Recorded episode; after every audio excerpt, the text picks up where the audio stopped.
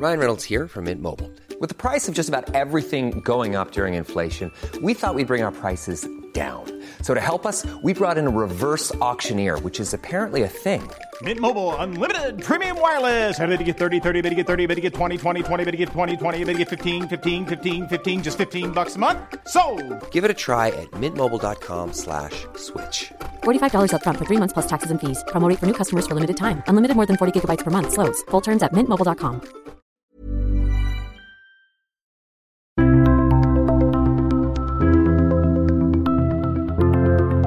I februar ble det nye trafikklyssystemet for havbruksnæringen skrudd på. Og for oppdretterne mellom Nordhordland og Stad blinket varsellampene rødt. Her er det så mye lakselus i sjøen at produksjonen må reduseres med 6% Det vil si fire millioner færre fisk. Trafikklyssystemet skal regulere veksten basert på hvor mye lakselus som er sluppet ut fra oppdrettsnæringen, og hvordan det påvirker vill laksefisk. Mari Skuggedal Myksvold er oseanograf ved Havforskningsinstituttet. I praksis så har man da delt kysten inn i 13 produksjonsområder. Og det er det som er eh, utgangspunktet for hele trafikklyssystemet, at hvert produksjonsområde skal få en farge basert på eh, hvor mye lakselus de eh, slipper ut, og hvordan det påvirker villfisk i området. Men oppdretterne mener at forskningen som legges til grunn for det nye trafikklyssystemet er feil. Nå har de gått sammen for å utfordre staten og forvaltningen i retten. Du hører på Det vi lever av, en podkast fra Bergens Tidende, Stavanger Aftenblad og E24. Jeg heter Marie Misund Bringsli. Og med meg i studio så har jeg forskningsdirektør i SSB, Linda Nøstbakken, og talsperson for 25 oppdrettere på Vestlandet, Even Søfteland. Velkommen til dere. Tusen takk. Takk. Even, du er jo en ny stemme her i podkasten, og i dag så representerer du eh, ganske mange. Eh, Kan du fortelle kort eh, helt hvordan denne saken egentlig startet?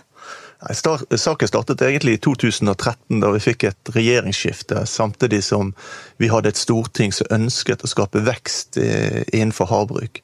Norge var litt på vei til å falle av internasjonalt. Vi så at våre konkurrenter i, Chile og i Europa vokste mer enn det vi gjorde. Og norske myndigheter da fant ut at uh, her må vi sette i verk tiltak. Og uh, man satte seg sammen og fant ut at uh, skal vi sette i verk tiltak, så må miljø stå veldig høyt oppe på, på listen. Og så begynte man å justere i storting, i regjering, og etter hvert kom man frem til en modell som da fikk benevnelsen trafikklyssystemet. Et godt pedagogisk rettet verktøy, egentlig. Alle skjønner gult, rødt og, og, og, og grønt lys.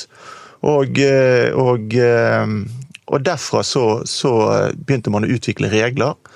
Eh, Forskerne mente at de hadde nok grunnlag for å kunne si hvem som skulle være på de ulike fargene. Og Stortinget og regjering følte at dette var greit nok, og så satte man i gang. Men det tok ganske lang tid fra dette systemet, man begynte å tenke på dette systemet til det ble innført i februar i år. Ja, det gjorde det. Og eh, det har vært gått mange runder, og det er et system i, i, i utvikling. Men, men eh, når du skal regulere næring, så er det faktisk vanskelig å ha et system i konstant utvikling. For det vedtaket du gjorde i fjor, det kan vise seg å være helt feil i år, men konsekvensene er veldig store i dette. Og det vi gjorde i, i 2015 og 2016, det var at vi forsto at dette systemet eh, kom til å bli viktig. Så vi satte oss ned og tenkte hvordan kan vi gjøre dette best mulig?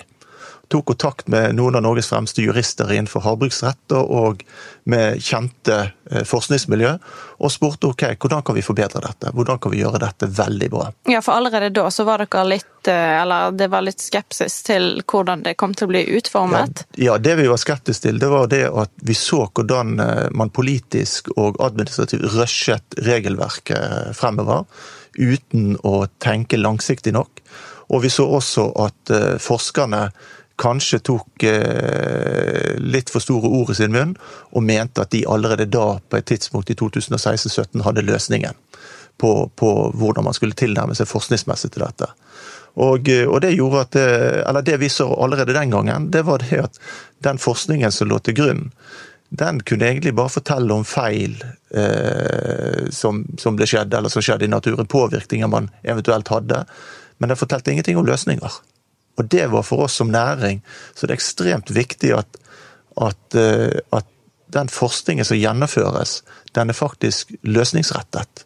For vi ønsker jo å bli bedre eh, i det vi holder på med hele tiden. Og da må, vi, da må vi ha en forskning som er rettet i, i, den retning. Så det er rett og slett for vanskelig å forbedre seg ut ifra sånn systemet er lagt opp i dag? Systemet, systemet legger ikke opp til noen forbedring. Systemet legger opp til å bare påpeke at du tar feil, eller du har gjort en feil, eller du er ikke god nok, eller noe sånt som dette. Og når du har et system som er lagt opp til det, så blir det et system som bare hakker på, på havbruksnæringen og hakker på den verdiskapningen som, som skjer. Og, og, det blir litt sånn som med barneoppdragelse. Forteller du barna bare negativ, har bare fokus på det negative, så blir barna deretter, for å si det sånn. Du må trekke frem hvordan man skal skape løsninger, hvordan man skal skape seg en fremtid. Og det mangler den forskningen som er lagt til grunn til i dag. Linda, hensikten med trafikklyssystemet det er jo å skape vekst. Men er, er reduksjon i, i, dette spesifikke området på, på Vestlandet et, et, nødvendig onde for å skape vekst på lang sikt i, i næringen? Tja, for å ta det sånn. For så får jeg meg en vei inn her, eh, så er det litt lettere enn spørsmålet ditt. For hvis vi bare går et steg tilbake, sånn, er, hvorfor trenger man legge til rette for vekst? Det er jo fordi dette var en næring som opplevde store problem, og biologiske problemer, med, med spesielt lus, men òg med større og større sykdomsutfordringer, som vi ser fortsatt. Eh, hvis vi ser på det som har skjedd, så har biomassen som står i sjøen, økt over tid voldsomt. Eh, og hvis vi går og ser på lus, og så er det store problemet her, så eter jo den det som er liksom skinnet og fettet i overflate på laksen.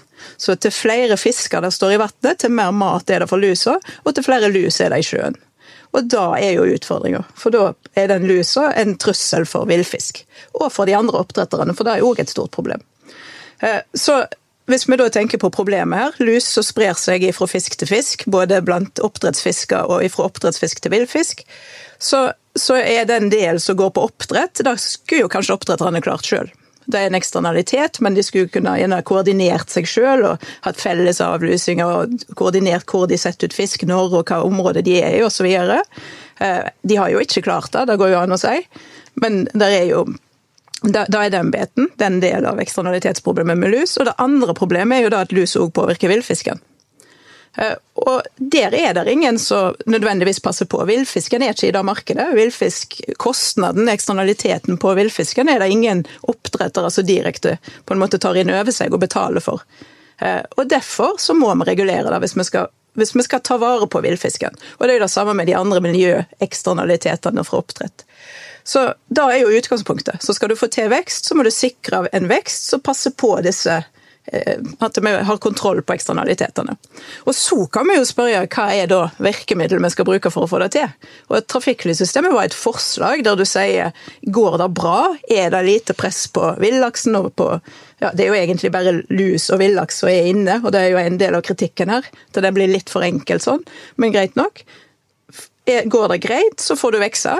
Er du sånn midt på tre, så må du stå i ro. Og går det dårlig, det er mye press på villaksen, så må du ta ned produksjonen. Og da, da er utgangspunktet. Så er det jo mange sider med dette systemet, så, så det går an å diskutere. Og så jeg skulle tro går an å gjøre bedre. For er, jeg ser jo problematikken her med at eh, du gjør alt rett, du har ganske lite lus, og du er i en rød sone, og så må du ta ned produksjonen. Så Litt av problemet er vel at eh, hvis naboen ikke er så flink å luke i hagen, så går det utover deg, på en måte, hvis man kan si det på den måten, da. Sant? Det er helt, eh, det er helt riktig. Og det er det som eh, mange føler er urettferdig i, i, i saken, og ikke riktig, da. Men, men, eh, det er et mye større men i, i saken enn akkurat det med, med naboens luking det er Hvis vi f.eks. går inn og ser på, på, noen tall som går igjen i, i hele luseforskningen og, og forskningen på villaks, så, så, bruker man f.eks. noe som heter produksjonspotensial i elv. Og eh, i, i eh, Hardangerfjorden, eller det som heter PO3, som er stort sett Bjørnefjorden og Hardangerfjorden, så er det potensialet 185 000 smolt i året. Det er det en elvene kan produsere i dette området. Det som viser seg når man går inn i elvene, det er at dette er mye mindre. Så utgangspunktet for å diskutere villaks og, og villaksens ut, ut, utvikling er kanskje helt feil. Og, eh, og, det er veldig viktig å få avklart heller når man skal la, sette i gang store, nye reguleringsformer. Så må man vite ok, hva er utgangspunktet vårt. Og hva skal vi forbedre? Hvordan skal vi, skal vi sette mål på de forbedringene vi kan gjøre? Det som i dag er, det er at når vi får 6% nedtrekk i, i PO4 i produksjonen vår, så er det ingen som kan måle det. Nei, og, og den, den, informasjonen du snakker om, det er jo eh, sånn, noe som dere har hentet ut gjennom egen forskning, sant? Ja, Vi, vi ble enige i, i 2016 at, eh, at, for å styrke trafikklyssystemet, så måtte vi få opp en mye mer praktisk rettet forskning som kunne lede oss i en retning på de riktige tiltakene. Som, som Nøstbakken er inne på, så, så har vi store fellestiltak. Og, og vi bruker massevis av ressurser på det. Og, og, vi har store interne fighter om hvilke retninger vi skal gå i på, på enkelttema. Og, og, ingen skal være i tvil om at vi ikke forsøker å gjøre det vi kan. Lusa koster oss enormt mye. Og bare i PO4 tipper at vi bruker minimum en milliard kroner i året på behandlinger på lus. Og kan vi halvere den milliarden og samtidig bedre forholdet for villfisken, ja, så er det helt klart at dette er en vinn-vinn-situasjon. Og det er den som ikke ligger til grunn for forskningen i dag. Det er ingen vinn-vinn-situasjon. Du, du, snakket jo eh, litt her om eh, Hardangerfjorden og PO, det området som blir kalt for PO3. Og det er jo et, et litt interessant eh, moment i trafikklyssystemet. For der var det jo veldig mange som trodde at det kom til å bli rødt, men så ble det gult. Men der eh, har de vel hatt eh, Fikk de vel muligheten til Der ble det vel vist til at det området hadde forbedret seg, og derfor ble det gult. Stemmer ikke det? Det ligger mange forklaringer til grunn for det, men, men den verste forklaringen, det er nettopp nesten det du sa, da. Og eh, det er at hele saksutredningen fra departementets side er på 1,5 side. Og den gjelder hele landet.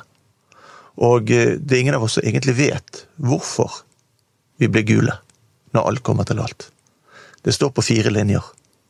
Og når du skal forvalte næring i, i Norge, så forventer vi at du bruker nok ressurser og nok tid på faktisk å utgreie hvorfor skal dette området være rødt, gult eller grønt.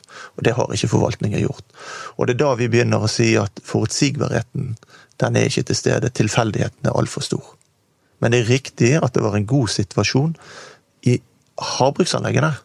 Men om situasjonen var god for villfisken, det vet vi ikke ennå, for å si det slik. Eh, konsekvensen av at man får eh, nedtrekk altså, og rødt lys i, eh, i, dette store området på Vestlandet, kan vi, si, kan vi, si, noe om det? Hva er konsekvensen av at man må redusere produksjonen så mye? Den, den største konsekvensen med hele systemet, det er uforutsigbarheten i det. Vi har ingen anelse om hvor vi ender ut, og hvor tid vi ender ut negativt. Avgjørelsen om, om trafikklyssystemet skulle vært satt i november i fjor og eh, den kom i februar i år. Og grunnen til at han ble utsatt, var mye brevveksling mellom de som var eksperter i saken, departementer, internt også mellom ekspertene. Og så da var det skifting av noen statsråder i Fiskeridepartementet. Og da begynte allerede tilfeldighetene der. Og det gjorde at man rakk ikke sommersesongen i år for villaksen sin del. Og så setter man da i verk et nedtrekk som starter i august for noen dager siden, og da er jo villfisken svømt ut i havet for lenge siden. Sjøørretene stort sett eh, kom på land, eller opp i elvene. Og da setter man i gang et tiltak med et nedtrekk på en tid hvor miljøeffekten er lik null. Og da er det tilbake til det Nøstbakke sa tidligere, at da blir det egentlig bare en straff. Det har ingenting med miljø å gjøre lenger. Og da er uforutsigbarheten nokså komplett. Men det vi er redd for, det er jo at kostnadsnivået vårt får en annen utvikling enn kostnadsnivået andre steder i landet. Og Slik slett blir du mindre konkurransedyktig enn en oppdrettere både andre steder i landet og rett over på Færøyene eller i Skottland, som er våre nærmeste konkurrenter.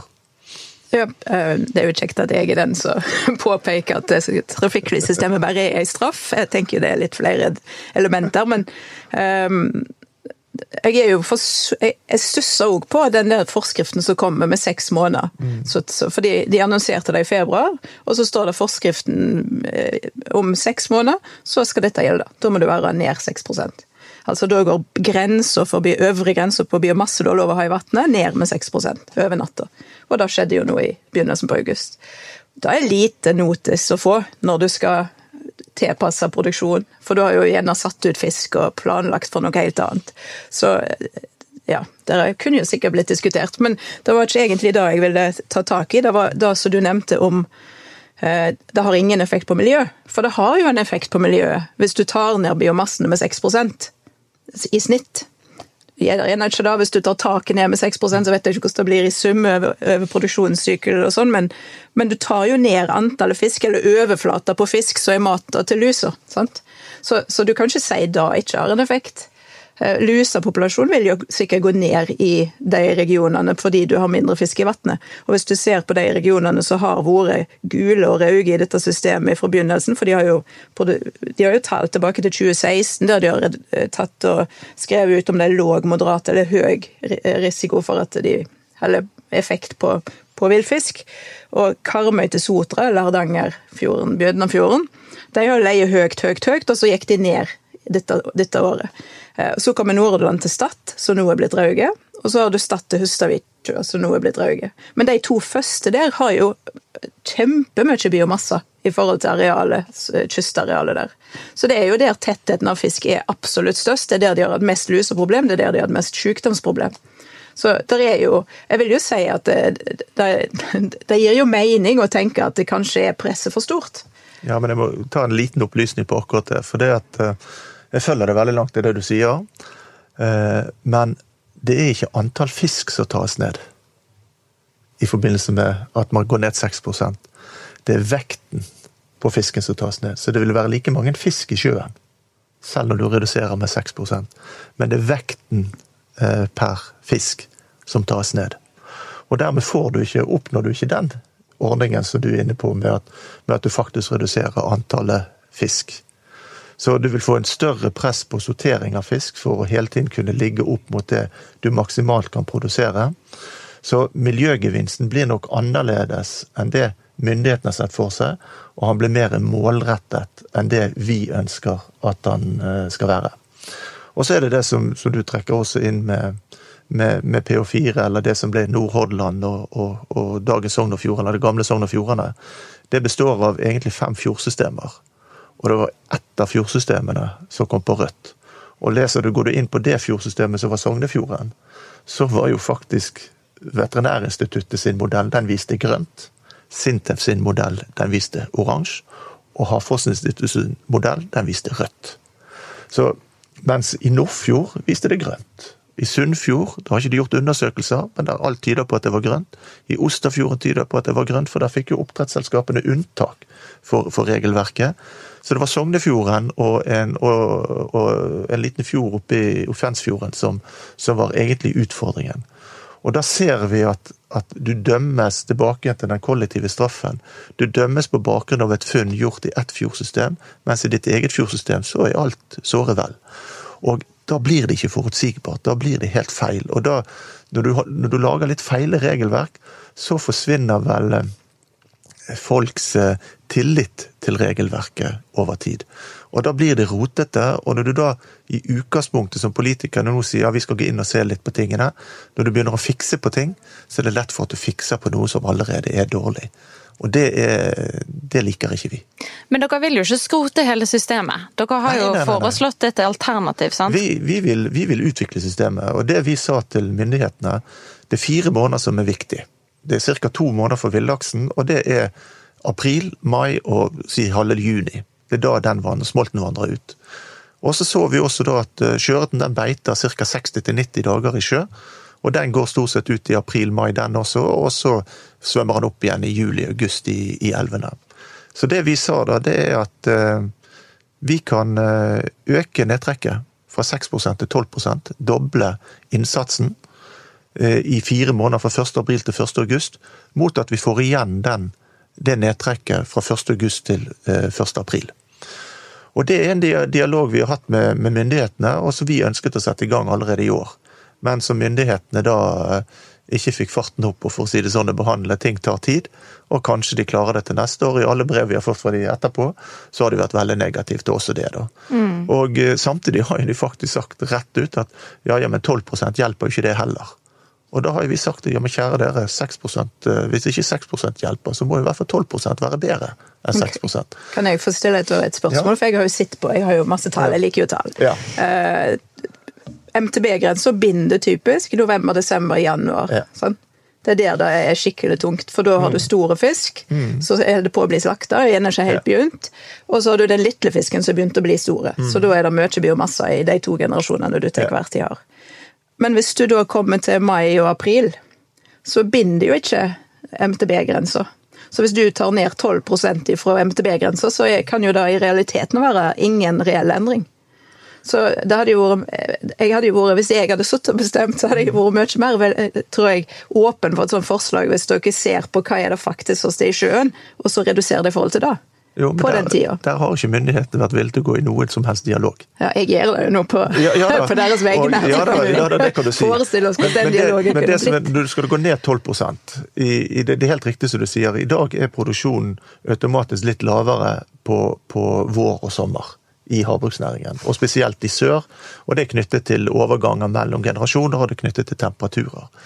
Og, og det vi har sagt, hvis vi skal gå ned 12 og si det skal være 1. april, så må vi begynne å ta det ned mye tidligere. Og det vi da gjør, istedenfor slik vi kanskje gjør i dag, så vil vi ta vekk hele anlegg.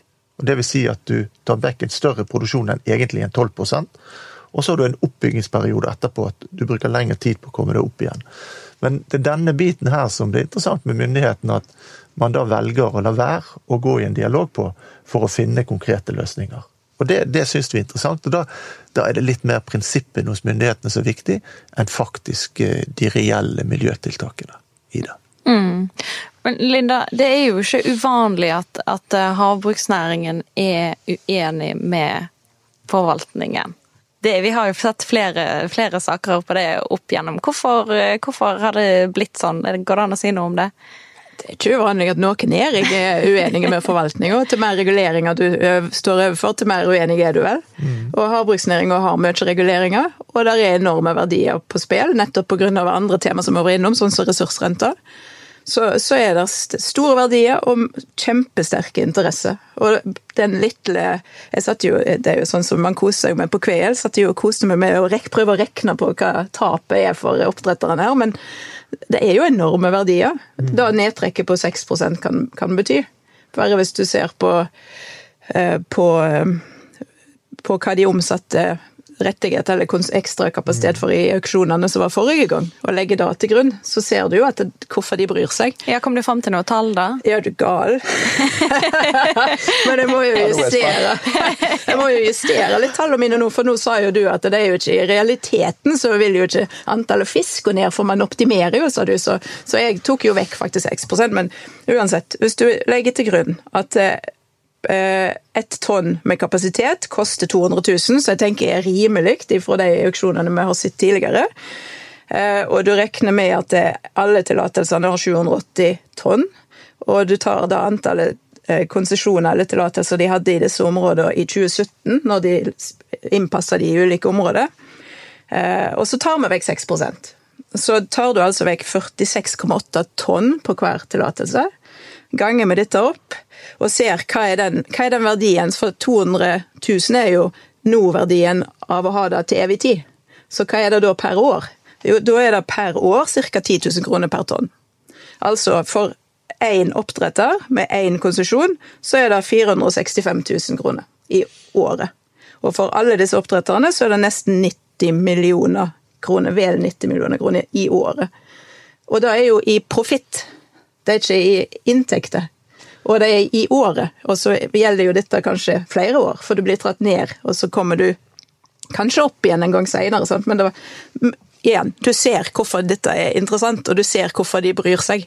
Så jeg tenker havbruksnæringa er ikke spesielle der. Det er da at det er store verdier på spill, og da betyr disse si, små reglene for folk flest enormt mye. Eh, fordi det har, så, det har enormt å si på bunnlinja. Og så er det et annet aspekt for det som, eh, som eh, Nøstbakken er inne på. Det, det er det at, at det er næringslivet rundt oss.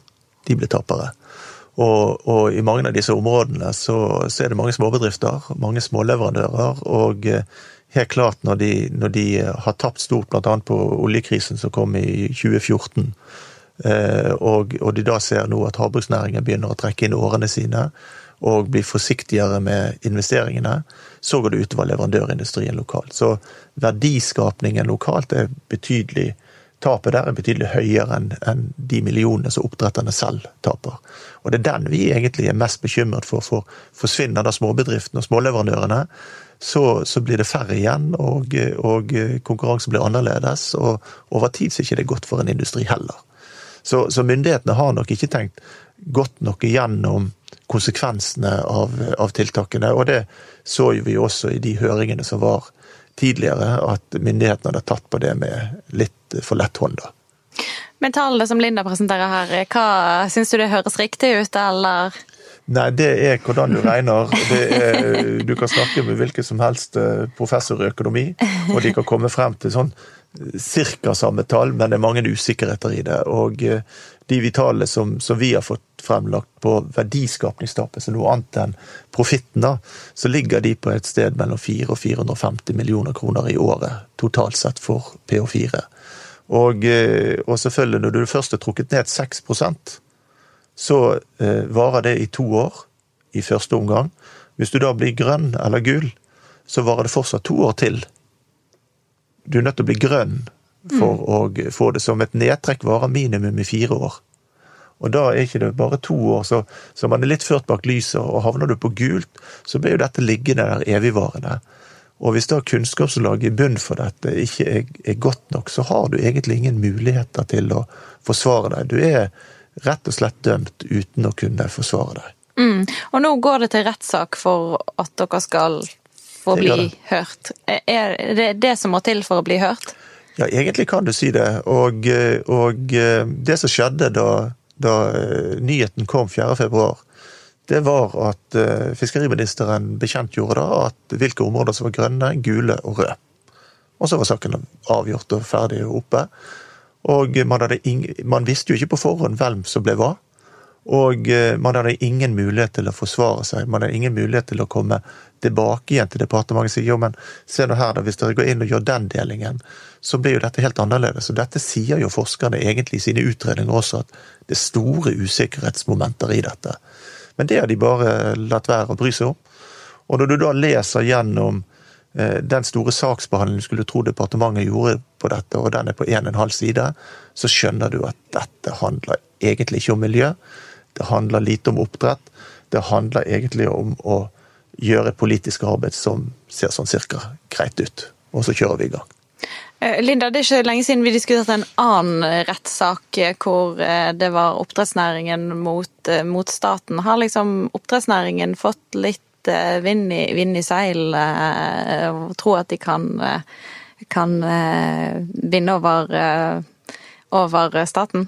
Da kan vel Even her svare bedre på enn meg, jeg, men jeg ser vel ikke at uh, den Norwegian Gannet-saka har noe som helst relasjon til denne, sånn sett. At uh, det begynte vel egentlig lenge før. Ja.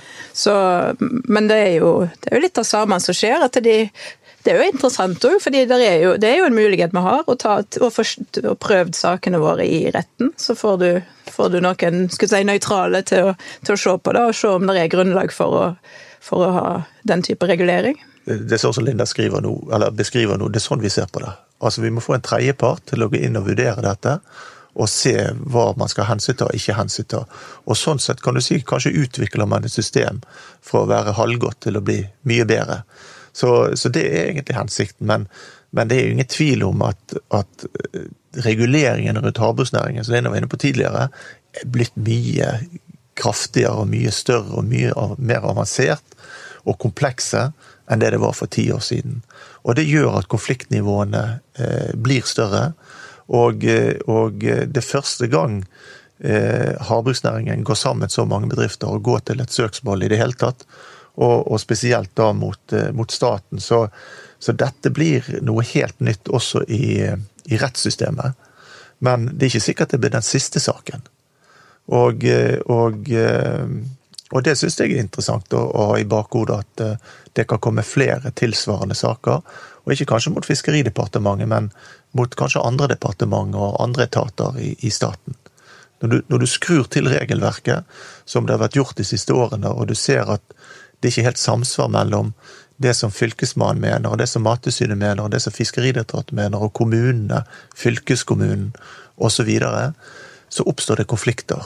Og, og, når ingen da vil gi seg på forvaltningssiden, og alle står på og rir sin høye hest, eller rir på sin høye hest, så blir det ofte til at vi da ender opp i, i rettssystemet. Siste ord i denne saken er neppe sagt, men vi må avslutte for i dag. Takk for at dere var med oss i studio, Linda og Even.